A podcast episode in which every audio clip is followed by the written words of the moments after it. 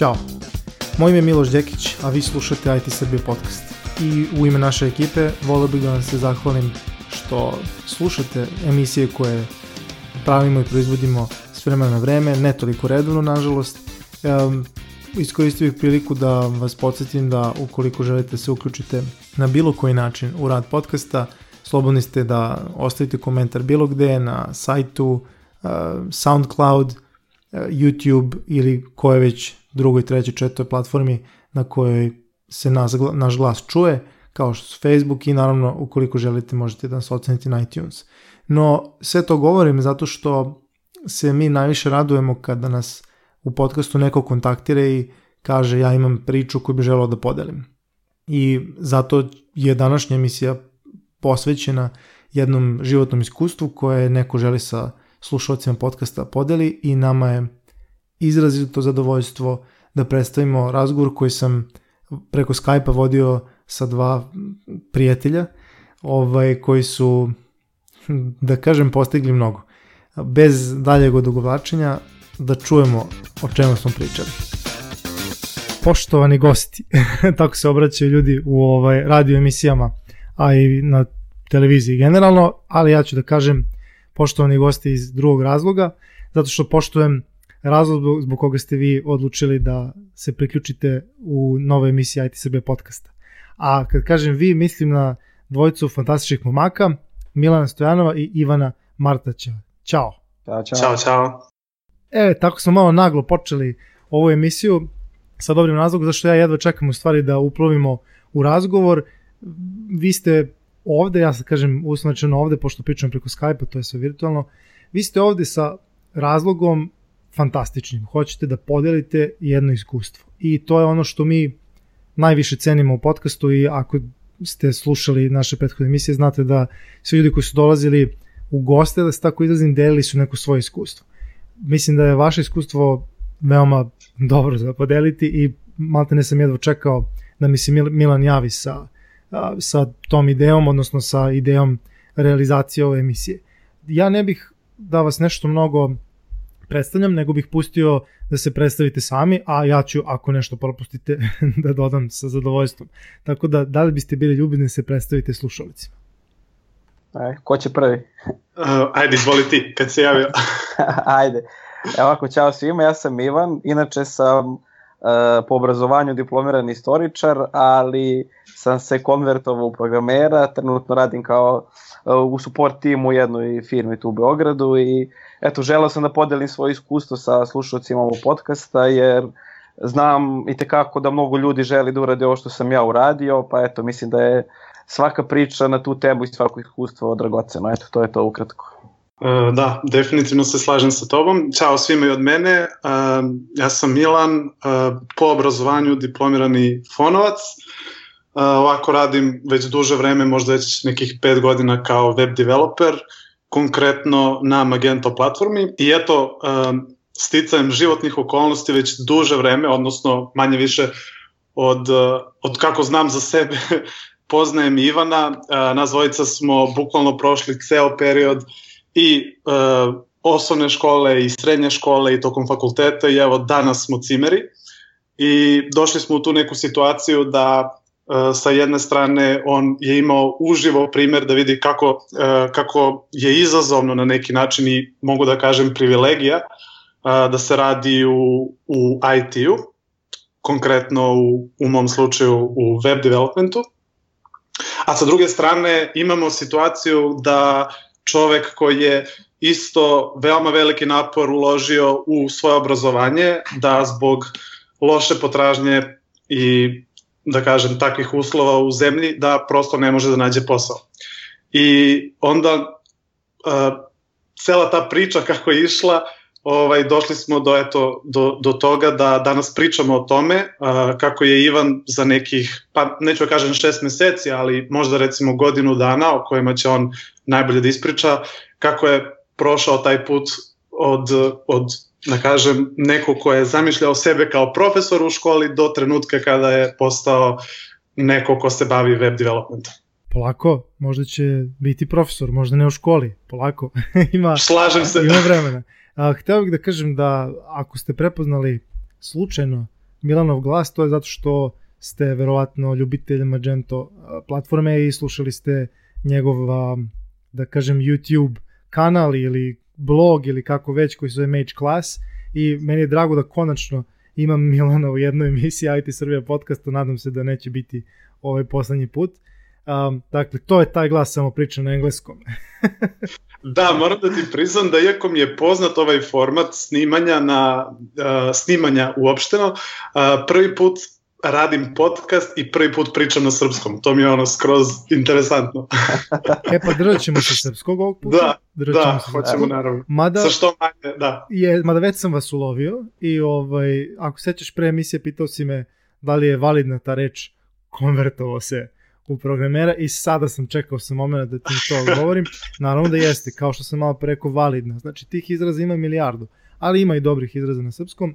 Ja konkretno mislim da je prikladniji izraz, pogotovo za ono što se desilo, ne se desilo samo od sebe, ali ono što se desilo Ivanu, je, zove se prekvalifikacija. Je se on suštinski prekvalifikovao sa, jed, sa jedne vokacije, jednog poziva na jedan potpuno drugačiji.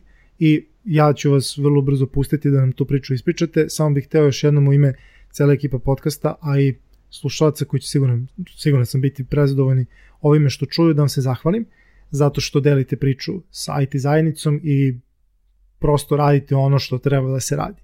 Um, pa ajde da čujemo, ja bih možda počeo sa jednim ovako kratkim pitanjem. Pretpostavljam da je odluka da se napadne IT kao industrija pala posle shvatanja da hm, posla jednostavno nema u tvojoj struci. Jesam li u pravu, Ivane?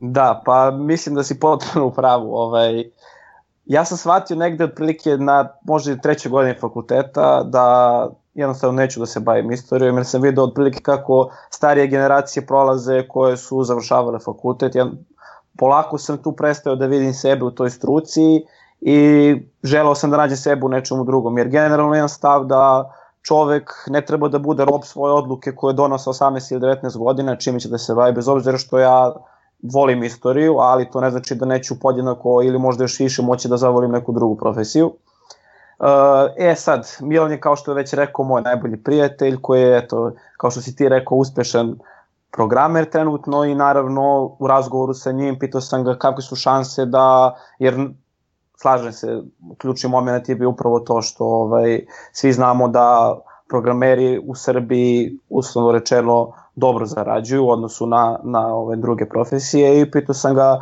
koje moje, kakve su moje šanse da, da se prekvalifikujem u, u programera. U suštini on je mene ohrabrio, ali u tom momentu rekao je da ni on ne zna koji je to period koji je potreban, da je ta stvar individualna, ali da sigurno ako bi se posvetio da, da, ovaj, da bih mogao da uspem u tome. Milane, vrhunski odgovor, samo ću to da kažem.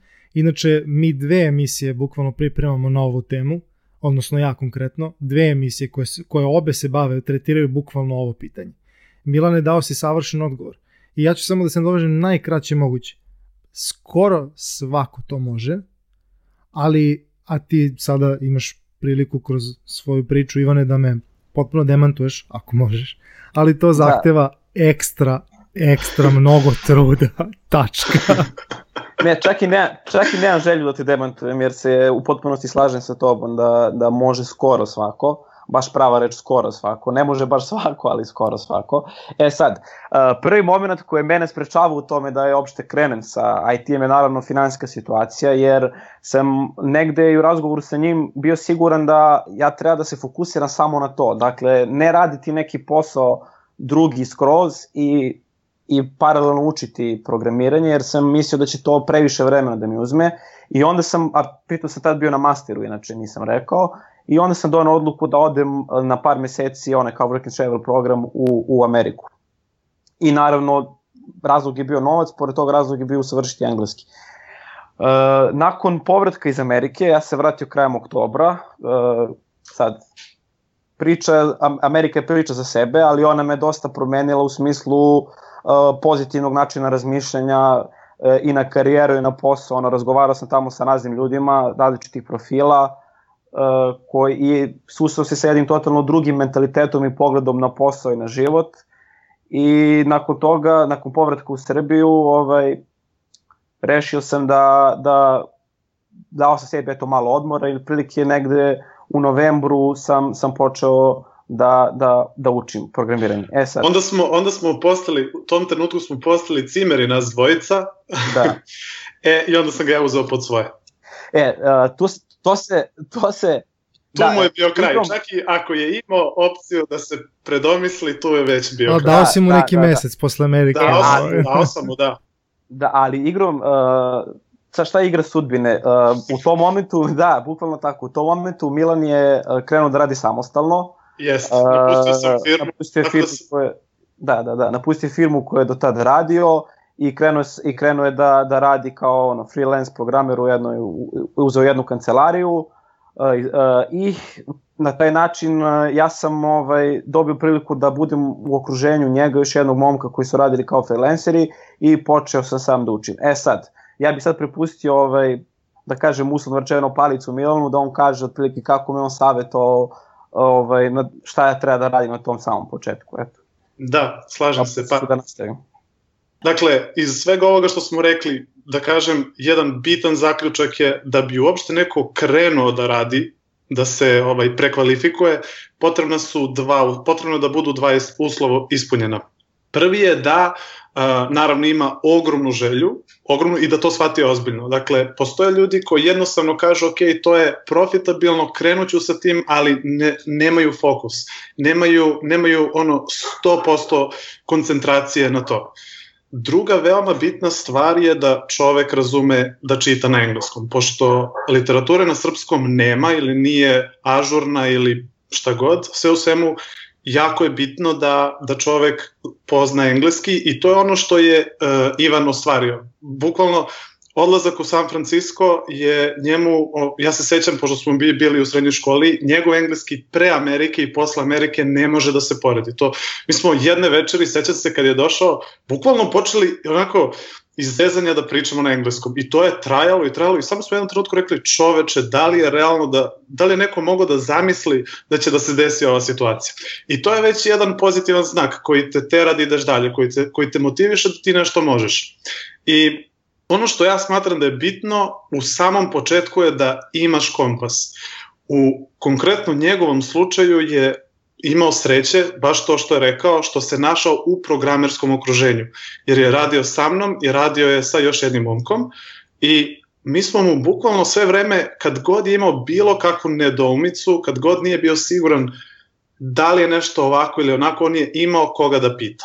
I to je, mislim, to je s jedne strane sreća, to se tako desilo u njegovom slučaju, ali mislim da je to veoma bitno, jer čovek kad, mislim, realno, svaka me neka osoba pita kako da krenem, kako je najbolje. Mislim, web se toliko razvio, sama tehnologija se toliko razvila da ja lično ne bih volao da se nalazim u koži jednog početnika.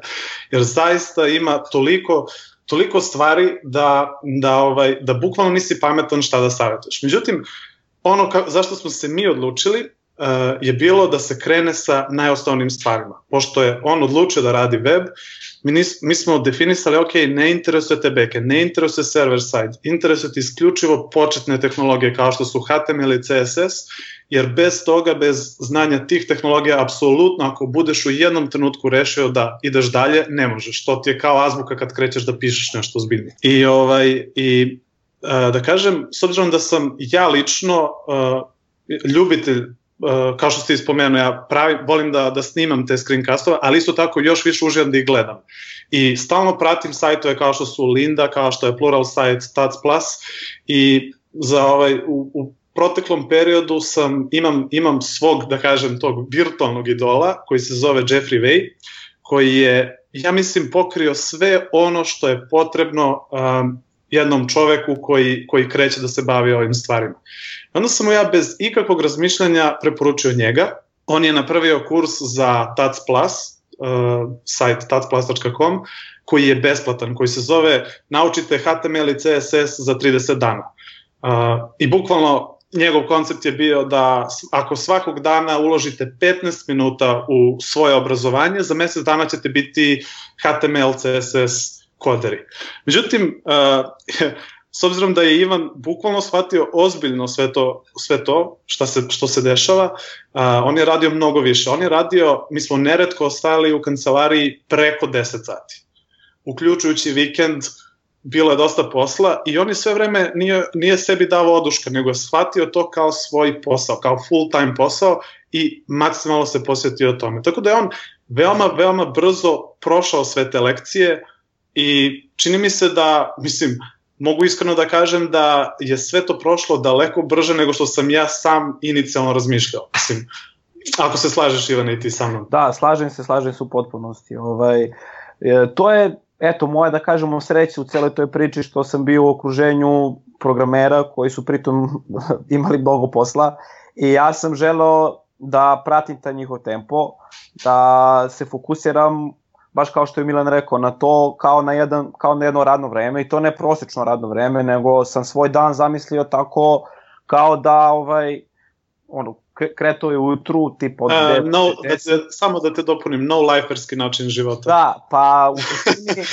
ja sam Uh, ja sam bio svestan da ako uložim uh, veliki deo truda, pogotovo na početku, da je to jedini, jedini put uh, kojim koji će se meni nešto vratiti nakon toga. E sad, uh, moram da priznam da nisam bio siguran, da, to je ona dilema kod ljudi, da li je ovo za mene ili nije za mene. E sad, uh, jer sam ja po obrazovanju istoričar, eto, znao sam neš, neke osnovne stvari u programiranju, ali daleko toga da, da, da može da se kaže da sam znao nešto. Uh, krenuo sam i mogu eto da kažem, u mom slučaju su prvi dve nedelje, te prve dve nedelje bile ključne. Uh, Nakon dve nedelje, ne znam zašto dve nedelje, da li je to neki moj lični period ili to možda da se kaže da je neki generalni period, ne znam, ali nakon dve nedelje uh, ja sam osetio taj napredak i video sam da ja u stvari to mogu da radim.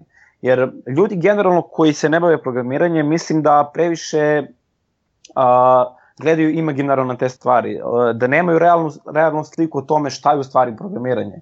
Uh, del, delo im neopipljivo, delo im daleko daleko od, ne, od nečega što je konkretno. Međutim, ovaj, vrlo brzo pogotovo, zato je dobar savjet krenuti sa tim osnovnim tehnologijama HTML-om, CSS-om, jer uh, se tu može videti rezultat vrlo brzo, a taj početni rezultat automatski znači uh, motivaciju za dalje rad. Jer ti kad kažeš posle dve nedelje, wow, evo, ja sam nešto naučio za dve nedelje, Znači, za dve nedelje će biti još toliko, za dve još toliko i tu se, i tako u stvari moj negde put samo od sebe išao. U suštini ja sam prošao kroz sve to mnogo lakše i brže nego što sam ja zamišljao da će biti. Tako da, baš onda se vratimo na onu priču na početku, uh, nije dobro davati sebi neke rokove u smislu sad ću ja da naučim za 3, 5, 6, 7, 8 meseci ili koliko god. Najbolje je fokusirati se na rad, napraviti dobar plan šta ćeš stvarno da radiš i eto, prostim, prostim jezikom rečeno zagrati stolicu. Eto, to, to su neki savjeti koje, koje bi ja, inicijalni savjeti koje, koje bi ja dao nekom ko želi da počne da se, da se bavi programiranjem. Ivane, koliko imaš godina? 26. Ok, i da li si pre ovoga radio u svojoj struci? Ono da kažem, za, za ono za što si se obrazovao?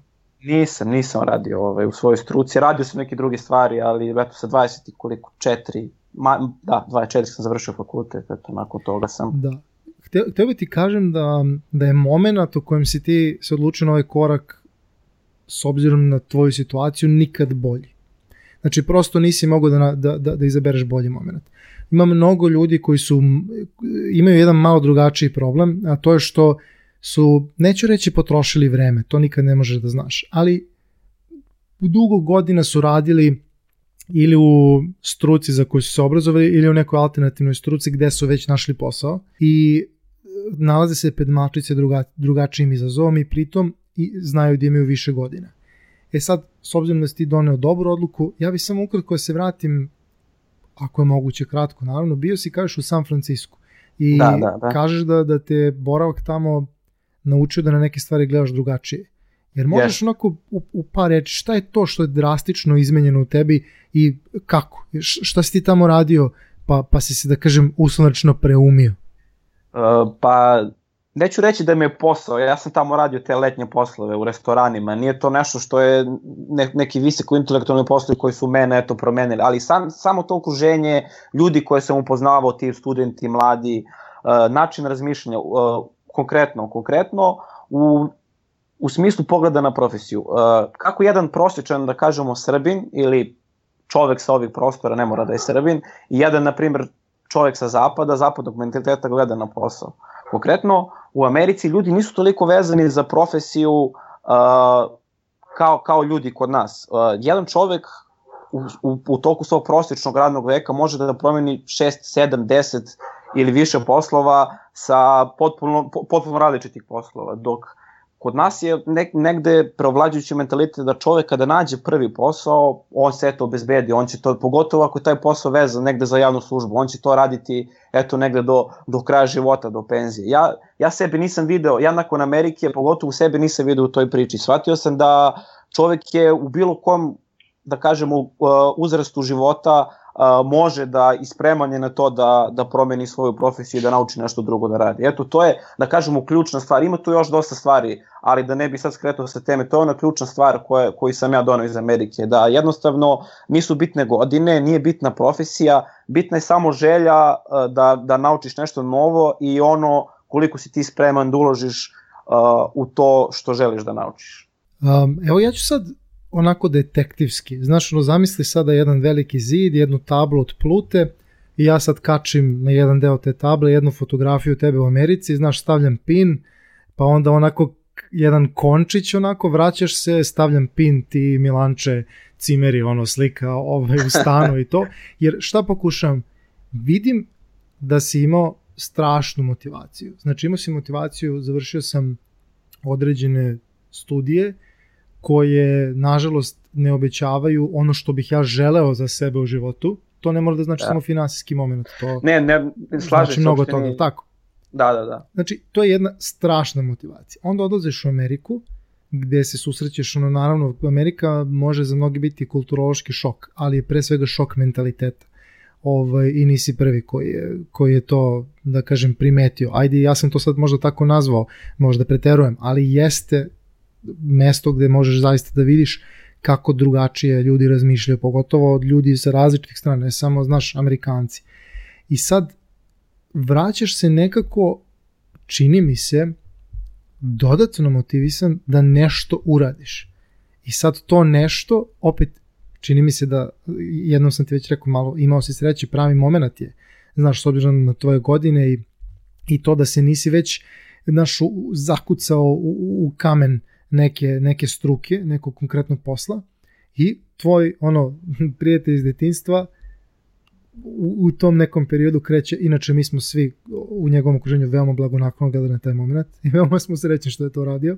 Da. Ovaj, a, zato što mi mislim da, da je veoma uspešno da će tek biti ovaj, da je to tek početak za njega. I da kažem, poklapaju ti se kockice. I onda, sad to je, to je glavni meni moment na toj tabli od plute gde ja detektivski pokušam da provalim kako si ti ovaj, nešto uspeo. Uradio si najbitniju stvar. Imao si motivaciju, super je sve to, ali postoji jedna stvar koja je iznad motivacije, koju mnogi neće da priznaju, zašto svi danas bave neki, znaš, ono, kače citate po društvenim mrežama i sad ti ćeš da se da. motiviš iz citata. Znaš, budi ono što jesi, uh, da, budi da, da, your slažem. best self i tako te gluposti umesto da se disciplinuje. E ti si, po mom mišljenju, najveći korak napravio kad si odlučio da se disciplinuješ i da daš sve što imaš. Da, da napraviš pomak u struci koja, ako smem da primetim, diametralno suprotno tvoje. Ti si se bavio društvenim naukama, nema matematike, nema generalno mnogo tehnike. Nema, nema ničeg, slažem se, slažem se. Uh, pa i, i ovog puta neću da te demantujem, već da se složim ovaj, 100% sa onim što si rekao. Mislim da je ta samodisciplina kod ljudi koji odluče da se konvertuju ili da se prekvalifikuju, možda i ključna u celoj toj priči kako, kako uspeti. Ovaj, eto, ja ne znam, ovaj, bit ću možda i skroman, ali mislim da je eto, opet taj splet okolnosti gde sam ja bio okružen tim ljudima takođe pozitivno, bez obzira i ta moja motivacija naravno, ali taj splet okolnosti sam ja bio okružen ljudima koji su radili ovaj, maltene po ceo dan, uh, bila ta koja je mene disciplinovala u celoj toj priči, ali naravno ovaj, jednostavno to je, to je nešto bez čega, bez čega sigurno ne bih uspio da, da ostvarim ovo što sam ostvario. Eto, to isto je nešto što treba da bude možda jedan od light motiva ove, ove priče. Ove, e sad, ove, ne znam da li ćemo pričati o tom konkretnom, ne znam kako, kako si planirao, da li ćemo pričati o tom konkretnom putu, možda tim lekcijama i dalje kako sam radio ili... Pa hteo bih ti kažem da a, kako god da okreneš, ovo je tvoja priča i ako mene pitaš fenomenalno je. Ovaj, zato što sam se rekao negde kad smo počeli da razgovaramo, mno, mnogi ljudi se pitaju pitanja koje si se ti pitao, znaš, ovaj, kako, da li, da li ja to mogu i mislim da tvoj primer na neki način jako dobro daje odgovor na to pitanje. I po, pokušao bih da kako nastavljamo dalje s ovim razgovorom, da mi koliko god je moguće motivišemo ljude da se odluče na taj korak. S tim što bih hteo da napomenem dve stvari koje sam isto čuo iz ovog razgovora i mislim i da ih nisam čuo, mislim da ih svi mi dobro znamo. U IT industriji se prokleto mnogo radi. Znači, ja ne mogu na prste da izbrojim nekog iz IT industrije, a da je ono, da radi od 9 do 5, a, da ima neke, ne znam, neka skraćena radna vremena i tako dalje. Znači, ako i radi od 9 do 5, on ode kući pa freelancuje još 3-4 sata. Znači, to je industrija gde se, jer skoro sam bio u Boru ovaj, na nekoj konferenciji, jako fina jedna konferencija i baš, baš sam to ovaj, pomenuo, sećam se u jednom momentu mi to sinulo da pomenem, mnogi misle da IT-evcima pare padaju s neba. U smislu, znaš, oni su sad našli na pravom mestu, u pravo vreme ili šta već, izabrali su pravu industriju i sad oni imaju visoke plate, vidi ja studirao sam bez uvrede istoriju ovaj, i vidiš ono, mučim se ovde, ne znam, lupam sa profesorskom platom. A nije baš tako. Da, uh, ključna stvar je što ljudi imaju utisak da mi u ovom poslu sedimo ispred kompa, kuckamo nešto i to je to. Sve je tako lako jednostavno. Pa to je malo krivi Aleksandar Simović, ovaj, naćete ga, naćete ga na Twitteru pod pseudonimom Sima Leksan. On je napisao, bio jednom u svom opisu, zarađujem pare tako što pomeram prstiće. u principu, naravno, da to nije tako i da bi neko se bavio ovim poslom, pogotovo kad pričamo o inženjerskom poslu, znači programiranju, jednostavno da. potrebno je mnogo rada i to je, to je rad koji nikad nestaje. A znaš šta je još karakteristično? Izvinim što te prekidam ne znam, interesuje me baš kako su drugi u ljudim profesijama, ali ono što ja hvatam sebe, čak i da radim od 9 do 5, čak i da imam to radno vreme, ono što sam ja primetio kod sebe je da apsolutno nikad ne prestajem da razmišljam o tome. Čak i ako čak i ako sam izašao iz kancelarije i hoću da radim nešto drugo, uvek imam utisak da nekih 20% mene u backgroundu razmišlja o tome šta sam danas radio, šta ću sutra da radim, padaju mi na pamet neke ideje, uh, Mislim, interesuje me da li je to veza... Da. ne, potpuno te razumem, ostane neki proces, ovaj, nije se ugasio. Ostane, da, ostane kron, ostane kron job. da. Uh, Pazi, kako ja gledam na to, uh, jedna struja koja, koja, koja je struja po znacima navoda, mislim, kad se priča o tome kako promeniti profesiju i preći u prekvalifikovati su programera, uh, dosta tekstova se mogu naći u tabloidima, mislim, ne znam da ste imali priliku da čujete tipa Blitz, ne znam ja i tako dalje. Imao sam naucime za jezik, molim. Da, e, i oni poprilično, da kažemo, simplifikuju celu tu priču. Uh, pa, ako hoćete da zaradite 1000 evra mesečno, i da postanete programer, to je jednostavno, imate sve živo na internetu, samo čitajte i postaćete. I onda ljudi možda steknu utisak, baš ono što je Milan malo pre rekao, je pa oni malo tu sede, kuckaju nešto i kao pare padaju sa neba.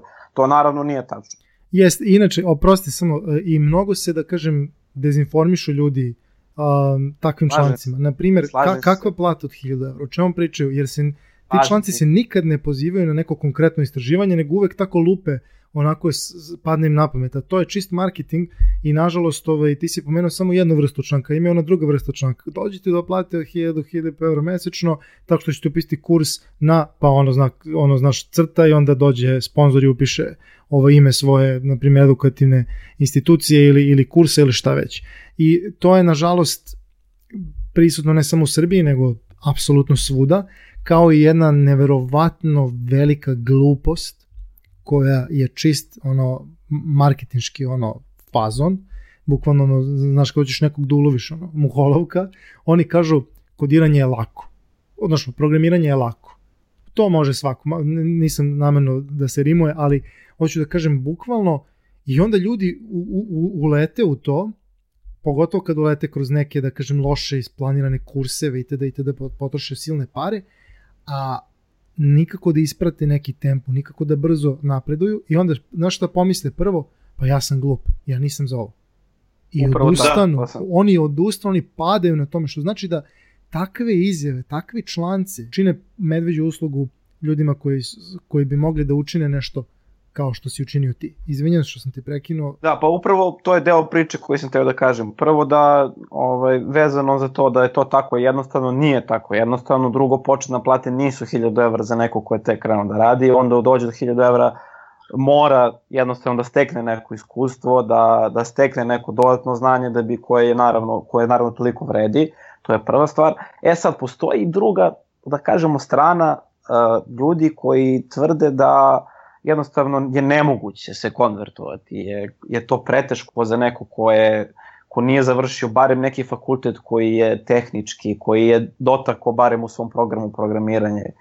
Opet ja ne mogu, evo ja sam primer koji je to uspeo, koji je završio istoriju, koja je stvarno društvena humanistička nauka, koja nema veze sa ničim što je programiranje i što je što ima logike te vrste u sebi, ali eto, uspeo sam. Tako da iz, ja bih negde zauzeo ne, ne, neku da kažemo, srednju struju između te dve, a to je da nije lako, nije jednostavno, ali isto tako nije nemoguće uz dobru motivaciju i dobar plan i, i, i jedan, jednu samodisciplinu veliku. Eto, to, Ovde moram samo nešto da dodam. Um, a to je da, mislim, čisto kao motivacija ljudima koji ovo slušaju i koji razmišljaju o svem ovome, uh, ono što se meni najviše dopada u ovom poslu je što je sve veoma praktično a, sa minimalnim, da kažem, ulaganjima, realno šta čoveku treba da bi krenuo da se bavi ovim poslom? Treba mu laptop, treba mu browser, eventualno software, web server da instalira i to je to. Već može da krene tekst editor i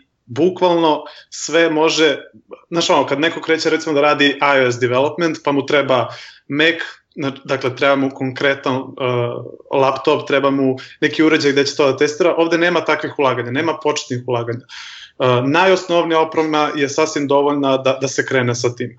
Uh, takođe na YouTube-u, ok, slažem se, s jedne strane ima previše, preveliki izbor i to nekad zna da bude problem jer šta uzeti, zašto se odlučiti, ali ja se nadam da, da postoje, nisam sad nešto naročito istraživao, ali može da se krene sa ovim člancima što su mi preporučili sa ovim kursevima i to, to može da ide jako lepim tokom. Eto, to je samo kao jedna napomena za dodatnu motivaciju svima. Dakle, ne treba nikakva, da kažem, velika ulaganja u samom početku. Um, Milane, rekao si pravu stvar. Ja bih samo bukvalno pokušao da zaokružim to, da upotpunim. Ljudi dok ne pokušaju, apsolutno da. ne znaju zašto su sve sposobni. Neverovatno je da ljudi to ne znaju, ali svaka tehnološka inovacija, počevši od onih abnormalnih inovacija koje su se desile pojavom parne mašine koja je počela da automatizuje gomilu nekih procesa. Svaka, bukvalno svaka, je došla na, na da kažem, u život jednom veoma nikad jednostavnijom metodom, a na, na engleskom se kaže trial and error. U prevodu, pokušaj, pokušaj, pokušaj, pokušaj, padni sto puta, nemoj da uspeš, ali onda kad uspeš, uradio si ga za sve pare. I to je princip po, po kojem mnogi biznisi širom sveta funkcionišu. Evo da vidimo danas ekstra popularan izraz, čuli ste venture capital, je li tako? Oni, ono, batice milijarderi ili korporacije milijarderske koje ulažu u gomilu nekih startup uh, projekata, je li tako, koji mogu biti software, hardware, peravnika, nije bitno. I šta oni rade? Oni prepoznaju neke zanimljive ovaj, prilike i ulože u njih 10. Samo jedna da, da uspe od tih 10, oni su na konju. A svih ove, sve ove ostale će da propadnu, ali neće oni otići praznih ruku. Otići će sa još dodatno akumuliranog znanja o tome šta, gde, gde je napravljena greška, zašto je prvo, kako funkcioniše tržište i tako dalje tako dalje. Znači taj princip pokušaj, pokušaj dok ne uspeš, to je sva nauka.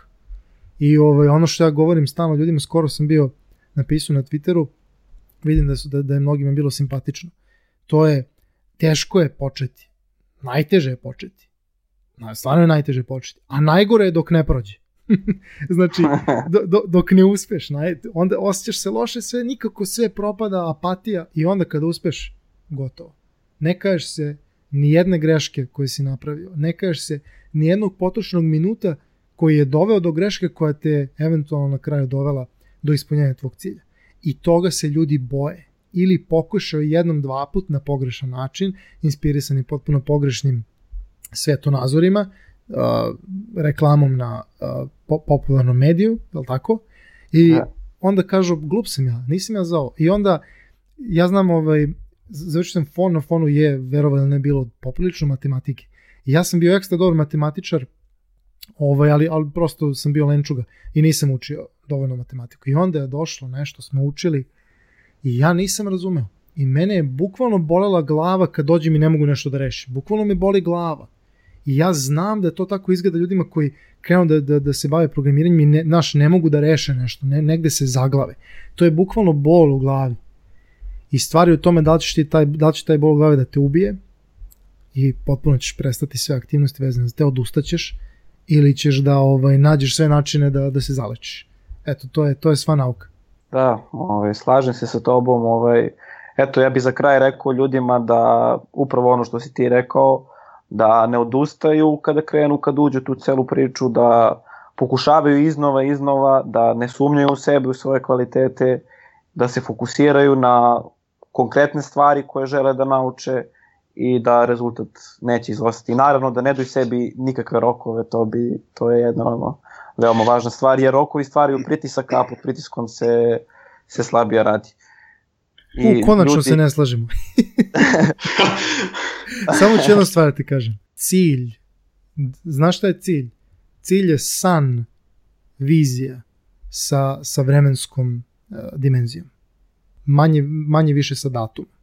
Znači, slažem se s tobom da rok može da bude kontraproduktivan. Ali ako kreneš u nešto i kažeš sebi jednog dana ću, onda realno možeš da upadneš u zamku mentaliteta koja se zove lenjost.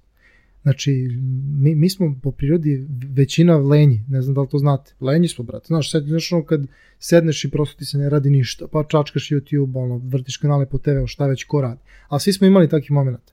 I svi se kajemo što smo imali takve momente, zašto znamo da smo mogli bolje da ih utrošimo. E, zato nam služi rok. Rok nam služi da postavimo, da postavimo cilj. Znaš, znači taj rok ne mora da bude a, 30 dana, ako ne uspem gotovo. Ne. Ali do kraja godine to zvuči ekstra.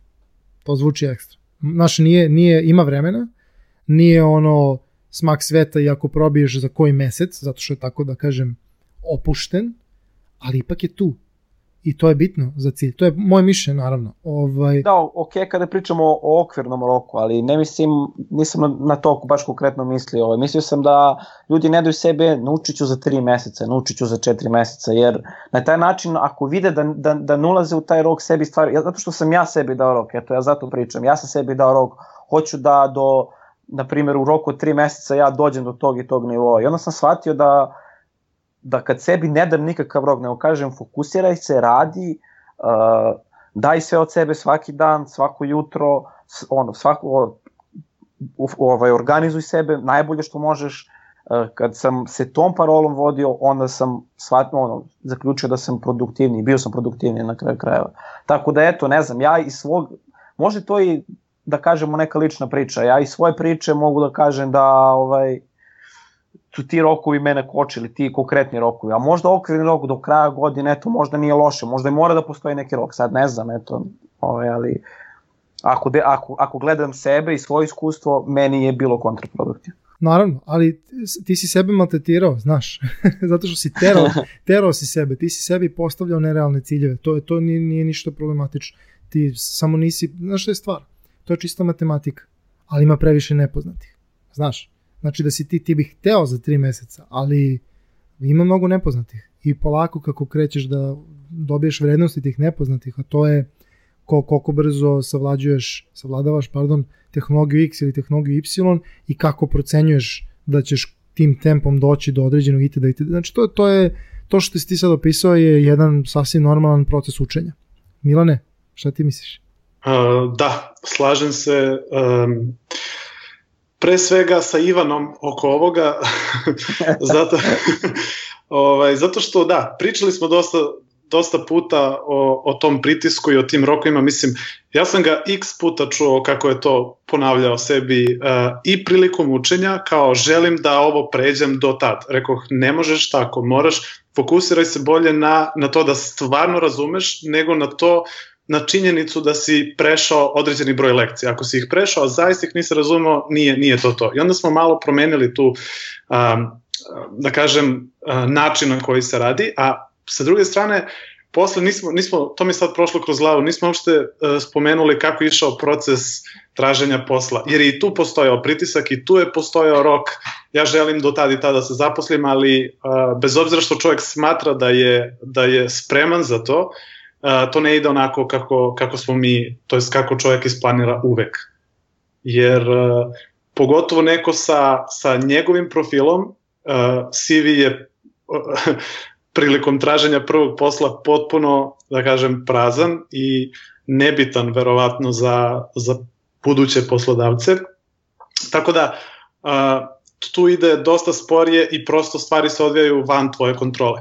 Sad ne znam da li imam uopšte vremena čisto da, da Ivan kaže kako je sve to izgledalo u, u tom periodu ili, ili ćemo to ostaviti za neki drugi put. Za sve imamo vremena. Da, pa ajde ukratko, ovaj, pošto smo već evo vidimo dužili. E, što se tiče samog traženja posla, eto, slože, slažem se sa Milanom da je tu tek, tu tek ne treba sebi davati rokove, jer jednostavno stvari ne držiš pod svojom kontrolom. Uh, ja sam, nisam imao, bio je prazan CV, ovaj, jer jednostavno imao sam par nekih tu sitnih projekata koje sam radio. Ja, da, izvini, izvini, da, to nismo, to nismo spomenuli sad se. A da, ovaj, da, eto, savjetujem ljudima da pre nego što uopšte pomisle da traže posao da urade bar dva, tri sitna projekta, barem ne mora da budu za novac, nek rade samo inicijativno, čisto da da ovaj mogu nešto da stave eto u CV da su radili pa ma, ovaj nek, da, nek rade sajt za nekog njegovog druga kom uopšte i ne treba sajt eto samo da samo da urade nešto da da da, da imaju šta da pokažu da su radili. I e sad to je prvo i da, da naravno. Naravno da. Ovaj, to je prva stvar koju sam ovaj, ja uradio. Nakon toga, bez, i, op, i to nije mnogo, zato što je meni on u CV upisao diplomirani istoričar i sad kada se, ja bar tako sam razmišljao, kada, do, kada stignu, na primer, nekoliko CV-a kod poslodavca i on ih pogleda i vidi ovaj, momak je završio neki fon, na primer PMF, ETF ili šta je već i istoričar, naravno će moj CV da ode sa strane odmah, iz prostog razloga što čovek ide sistemom eliminacije, on nije obrazovan za ovo, automatski sklanjamo ga sa strane. E sad, ja sam tu išao na varijantu da je meni neophodna preporuka. Eto, i tu sam imao sreću da mi je Milan, eto, čovek koji je u IT-u dugo i koji poznaje dosta ljudi pomogao preko nekih svojih kontakata da, da dođem do intervjua. Jer sam ja negde bio, osjećao sam se spremno da krenem da radim kao junior, ali nisam imao prilike da, da, da želeo sam da imam priliku da dođem do intervjua uopšte. I e, tu dolazimo do jedne situacije. Sećam se tačno jedne večeri kad smo se vraćali iz te naše kancelarije i bukvalno si mi pričao na neki način nemoćno, zato što šalje gomilu CV-a i nema odgovora, apsolutno nema nikakvog odgovora. I onda se on pita, ok, ali šta ja sad mogu da radim? Razumeš, to ne, ja ne mogu na to da utičem. I to je onaj trenutak kad, kad nastaje na neki način problem i ne, kad čovek prosto Kad ne zna šta da radi, slažem se. Kad ne zna šta da radi. E, to je možda jedina taj... situacija u e. celoj ovo priču, u celom ovo procesu da sam ja se stvarno osjećao nemoćno, da stvarno yes. nisam imao stvari pod svojom kontrolom. Kad, da, kad bukvalno se potrudiš oko svega i osetiš da si dosta toga naučio i da si spreman, ali sa druge strane čekaš tu prvu priliku koja nikako da dođe. E, tačno se sećam te večeri kad smo ono baš, baš dugo diskutovali o tome i, i kako uopšte to može da se, da se reši eto, ja ne znam, eto, ovaj, šta bih sad savjetovao ljudima u ovoj situaciji, jer sam ja imao pomoć Cimera i druga koji je, eto, preko nekih svojih kontakata, mislim, i on meni našao posao, on je, ja sam došao do toga da ja mogu da dođem na intervju i sam ja pokazao da znam i da zaslužim taj posao, da, da ljudi ne svete pogrešno, ali eto, ja ne znam šta bih savjetovao ljudima iskreno kako oni da, da se postave kada dođu do tog momenta da se one osjeti, osjete sposobno da traže posao. Ne znam šta ti Miloš imaš da kažeš na tu temu. Imam i to sa zadovoljstvom. Um, opet, kažem, na neki način imao si malo sreće, ali je sreća uvek prisutan ili redko prisutan faktor, zavisi kako kod koga. Um, stvar je u tome što postoje stvari što ti kažeš u CV-u, uslovno rečeno u CV-u, koje su malo odbojne, odnosno ima, ima jednostavno prevelika konkurencija. Nisi ti jedini primer ljudi koji nisu dobili nikakav odgovor. Ima puno ljudi koji su obrazovani za to pa nisu dobili odgovor. I možeš misliti koja razlika kad stigne tvoj CV koji je prazan, a, a kad stigne CV nekog ETF-ovca, PMF-ovca, fonovca koji je takođe prazan. To nije ništa čudno. Jer jednostavno ljudi, znaš, ono, završili su faks. Wow. I da. mislim, to je veoma česta pojava. Ali je ključno kako ubediti neko da ti da priliku. Ja lično ljudima savjetujem da nađu uh, načine da rade praksu, odnosno da rade volonterski, bez nadoknade. Zato što znanje je jedino što kada ga imaš niko ne može ti uzme.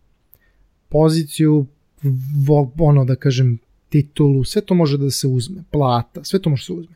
Sve neko može da ti uzme, ukine, odnese, nema ga. Ali znanje jednom kad naučiš to je tvoje i možeš da ga primeniš bilo kad. S, Bravo. S tim u vezi jedino što fali ljudima koji se doškolavaju, prekvalifikuju itd. itd. je generalno praksa, praktično znanje. Ali da se ne lažemo, to fali i ljudima koji su završili fakultet, jer imaš fakultete koji jednostavno nisu dovoljno polagali na praktičnost. Jednostavno nije bilo dovoljno praktične nastave. Evo ja polazim s takvog fakulteta. Ja mislim da je bilo minimalno. Ja kad uporedim, moj najbolji prijatelj završio ETF i to fantastičan smer softsko inženjerstvo kad ja uporedim šta je on radio što sam ja radio, to, to, to je nebo i zemlja. A nebo i zemlja koliko on imao praktičnog iskustva e, da ponese sa fakulteta, koliko sam imao ja. I, I meni je trebala šansa, kao i drugima. I ta šansa, samo treba da ubediš neko da ti da tu šansu. Da, da kažeš, vidi ovako, evo daću najgluplji primjer. Vidi, ja sam radio 10 projekata, samo inicijativno. Od, od, od kalkulatora do, do websajta koji integriše neki payment gateway, kao što je PayPal, na primjer, na, na nekoj ono WordPress, Umbraco, Magento platformi. Ja sam to radio sa inicijativno i to radi, evo publishovao sam, imam, imam dokaz na GitHubu. Pogledajte moje rešenje, pogledajte kako razmišljam i dajte mi šansu da vam za N meseci praksi ili čega dokažem da sam ja inženjer za vas. Ja znam puno firmi koje bi obe ručke prihvatili samo da vide nekoga da je klikeraš, da razmišlja, da, da, da, se, da se potrudio. Inače, to što si ti završio fakultet nije mala stvar. I to što nisi završio, da kažem, pravi fakultet, pravi iz, iz perspektive nekog poslodavca, to takođe nije ništa strašno, zato što kad neko završio fakultet, bar bi tako trebalo, znači da se, da se oko nečega potrudio, da je nešto isterao od početka do kraja. I to nije mala stvar. I ja to govorim ljudima uporno. Istero je nešto od početka do kraja, pogotovo ako je nešto ponio s faksa. Tako da da, savjeti ljudima nađite, čupajte, grabite da nađete da radite negde volonterski, odnosno praksu. Postoji plaćene prakse, ništa to nije sporno. I puno firmi to nudi. Puno, puno firmi. I ljudi često greše, šalju CV na milijardu mesta, kače se na Infostud, startit poslove, ne znam kako se ima neki Hello RS, čini mi se, koji isto da, da, imaju ima, poslove. I to je to. Pošalju CV, eventualno se potrude za neku poznacim navode motivacijno pismo i to je to. Ne, to se tako ne radi. Nego se kopaju mailovi, mail adre, email adrese organizacije, šalje se, šalju se primeri, pristupa se svakom, cimaju se ljudi na Twitteru. Ovo je 21. vek. Ja danas očekujem da nekoga ko je na drugoj strani sveta, u Australiji, a ima Twitter da ga iscimam za razgovor, ja, ga, ja mogu da potpišem da, da, da, da ću s nekim pričati preko Skype-a. Se razumemo? Slažem se. 21. Slažem vek. se, ovaj, slažem se. Pa bio sam ja spreman da radim i tu praksu koja, je, koja nije plaćena, to nije ništa sporno. Eto, igrom slučaja sam našao posao koja je plaćena, ali sam bio spreman. Jednostavno, došao sam do momenta gde samostalnim radom osjećam da ne, do, ne postižem ono što bi trebalo, da mi je jednostavno potreban realan posao, potreban mi je mentor koji će, koji će da mi daje realne taskove na kojima ću ja da radim, kroz koje ću ja da učim. Uh, taj realni pritisak posla, sve to mi je bilo potrebno nakon, nakon tih 5-6 meseci koliko sam, koliko sam radio, što priznaćemo nije puno za, neku, za, za jednu totalnu promenu profesije, ovaj, ali eto, ovaj, igrom slučaja sam našao našao taj posao koji je plaćen, ali dobar savet, slažem se s tobom, da ljudi treba da, da traže praksu, pa makar i da nije plaćena, jer je ključno u tim momentima skupiti što više znanja, iskustva i tako dalje, a vremenom će sigurno doći do momenta kada će moći da nađu posao koji, i, i kada će za, ono, zarađivati i, i biti zadovoljni tima što radi u potpunosti. Ivane, dva pitanja za kraj. Može. Prvo bi bilo kako se sad osjećaš kad si IT-evac, a drugo je da li možeš da uporediš rast tvog znanja dok si učio u Milanove kancelariji i sada kad si počeo da radiš nešto konkretno? Uh, kao IT-evac osjećam sjajno. Ovaj, stvarno lepo organizovana industrija u tom smislu uh, odnosa prema radnicima, okruženja, pogotovo u mojoj firmi. Ja sam sreću da radim u firmi okružen ljudima koji su moje godina, možda dve godine mlađi ili stariji, što je meni fenomenalno, tako da nemam, nemam pritisak, ove, poslodavci su isto, ove, imaju baš, baš lep odnos prema radnicima, tako da mislim da je negde idealno okruženje za neko ko kreće da radi. Ovaj, što se tiče kako napredujem, pa eto, radim tek mesec i po dana, imao sam neku obuku na početku vezano za WordPress, pošto radim support u WordPressu. E, sad trenutno nema puno programiranja, zato što je ima neke stvari ono radimo ono su, imamo naš proizvod, pravimo teme i sada ovaj ja radim u support timu gde mi ovaj odgovaramo na pitanja customera oko customizacije i tako dalje. Tako da nema puno programiranja, ali ću no, no, imam priliku da naučim dobro WordPress kao platformu, a sledeći korak je taj dev tim i, i samo programiranje. Tako da vidjet ćemo. Naravno, uh, nastavljam da radim od kuće i dalje. Duše sad malo slabije ovim letnjim mesecima, ali svakako svakako ću nastaviti da radim i vam posle, jer je to negde neminovnost. Ono što si ti rekao, da, da bi se napredovalo, jednostavno nije to tek tako jedno, ovaj, baš eto, ovaj, u 9 do 5 i to je to, mora, mora da se raditi nakon posla, eto, ali Nije vada ste se uštekali za klimu cimeri, pa je teško da se radi posle posle. ne, nije, nije, nije, nego... Ovaj, nego nam da se ide na polje. to, to, hoćemo da iskoristimo ove, ove letnje mesece, da. Ovaj. Zovu kafići. ako, ako pametno, pametno i u skladu sa godinama, apsolutno podržavam. Um, ja bih hteo da vam se zahvalim obojci što ste podeli vašu priču, jer ovo jeste vaša priča. Vi ste ono cimeri, uh, verovatno najbolji prijatelji, znate su detinstva i sada ste u istoj industriji. I u ime podcasta ja ti zaista želim Ivane da maksimalno uspeš u ovoj profesiji.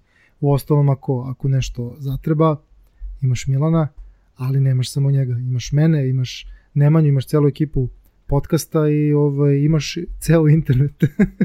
ja to da, kažem pa. zato što stvarno, stvarno danas je nešto, jedan neverovatan fenomen, a to je da ljudi kad im priđeš i kažeš ja cenim što ti ovo znaš, oni se raspekmeze odma i spremni su da dele svoje znanje. Tako da nemoj da se ustručavaš, um, ne, ne postoje granice u tom smislu. Još jednom hvala vam obojci. Da, hvala tebi što si nam dao priliku da ispričamo našu priču i nadam se da će mu neko ohrabriti ko je imao dilemu da li da krene sa učenjem ili ne ili kako da krene, da će mu ova naša priča eto biti od koristi. Milane, hoćemo te videti još neki put u podcastu. Uh, ja se nadam, spremam neke bitne stvari za kraj septembra, pa nadam se da ćemo pričati o tome. Uuu, A, ovaj... se strano, to je neki teaser, čoveč. da. A ovaj, isto bih želao da se zahvalim tebi na ovom prvom pozivu, uh, da kažem da su utisci sjajni i nadam se da smo, nadam se da smo ovom pričom uh, da ćemo pomoći ljudima koji se nalaze u sličnoj situaciji kao Ivan da, da krenu napred i da, da veruju u sebe da, da je ovo pravi put. To je makar da probaju da vide da li je to za njih, ako ništa drugo. Evo čuli smo jednu krajnje inspirativnu priču dva najbolja prijatelja u kojoj se Ivan uz Milanovu pomoć prekvalifikovao iz poziva istoričara, profesora istorije u poziv programera, odnosno momentu, da kažem, podrške u jednom domaćem preduzeću. U krajnjoj liniji to je, po mom skromnom mišljenju, pobeda prijateljstva, isto koliko je pobeda rada i truda i fokusa i svega onoga što je Ivan morao da uloži da bi došao do onoga do čega je došao. Sa tom mišlju bih završio današnji podcast i zahvalio se svim slušalcima na slušanju. Nadam se da ćemo imati prilike što pre da slušamo Milana ponovo u podcastu zato što mislim da ima puno toga da kaže. Umeđu vremenu ne zaboravite da posetite Mage Class, ako ste neko ko voli ili ima afinitete prema Magento platformi. I do sledećeg slušanja, moje ime je Miloš Đekić, a vi ste slušali IT podcast. Ćao!